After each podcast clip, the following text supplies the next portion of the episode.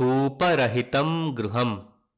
दशमे शतके राजा यशस्करदेवः काश्मीरदेशं पालयति स्म।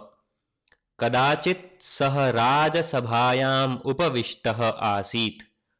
तदा कश्चन अधिकारी आगत्य उक्तवान्, कश्चन सज्जनः राजभवनस्य पुरतः प्राणत्यागाय प्रयतमानः अस्ति इति।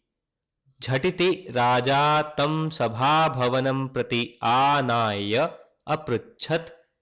किं भवतः धार्मिककार्ये कोऽपि विघ्नः उत्पन्नः? अथवा भवतः विषये किं कोऽपि राजोद्योगी अनुचितं व्यवहारं कृतवान् इति। प्रभो न्यायाधीशेन एव मम व्यवहारे अन्यायः निर्णयः श्रावितः। सज्जनः अवदत्। कथम् एतत्? अद्यावधि मम राज्ये न्यायस्य गौरवं रक्षितम् एव। इदानीं कथम् एवं सम्पन्नं यत् प्रवृत्तं तत् विस्तरेण उच्यताम्। अहं पूर्वम् एतस्यां राजधान्यां स्म।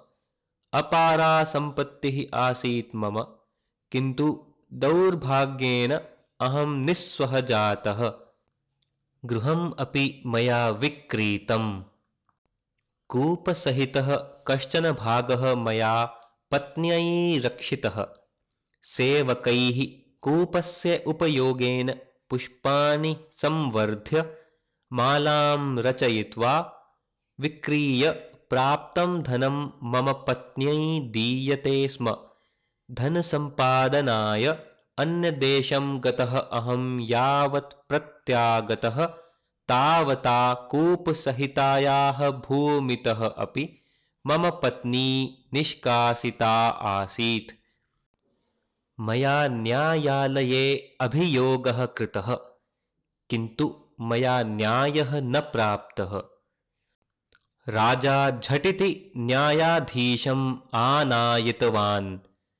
मया न्यायः एव निर्णयः श्रावितः इति अवदत् न्यायाधीशः। ततः भवनस्य क्रेता आनायितः। सः महाधनिकः। राजा कुतूहलेन तस्य अङ्गुल्यां स्थितम् अङ्गुलीयकं स्वीकृत्य परीक्षमाणः उपविश्यताम् इति सभासदः आदिश्य बहिः गतवान्। भटद्वारा तां मुद्रिकां धनिकगृहं प्रति प्रेषयित्वा गृहक्रयणव्यवहारपत्रम् आनायितवान्। पुनः प्रत्यागत्य न्यायपीठे उपविश्य सः व्यवहारपत्रं परिशील्य अवदत्। गृहस्य क्रेत्रा श्रेष्ठिना अधिकरणशुल्करूपेण राजलेखकाय सहस्रं मुद्राः प्रदत्ताः। एतावत् धनं किमर्थं दत्तं स्यात् तेन? मम तु भाति राजलेखकः उत्कोचं प्राप्य सोपानकूपरहितं गृहम् इति लेखनीये कूपसहितं गृहम् इति लिखितवान् स्यात् इति।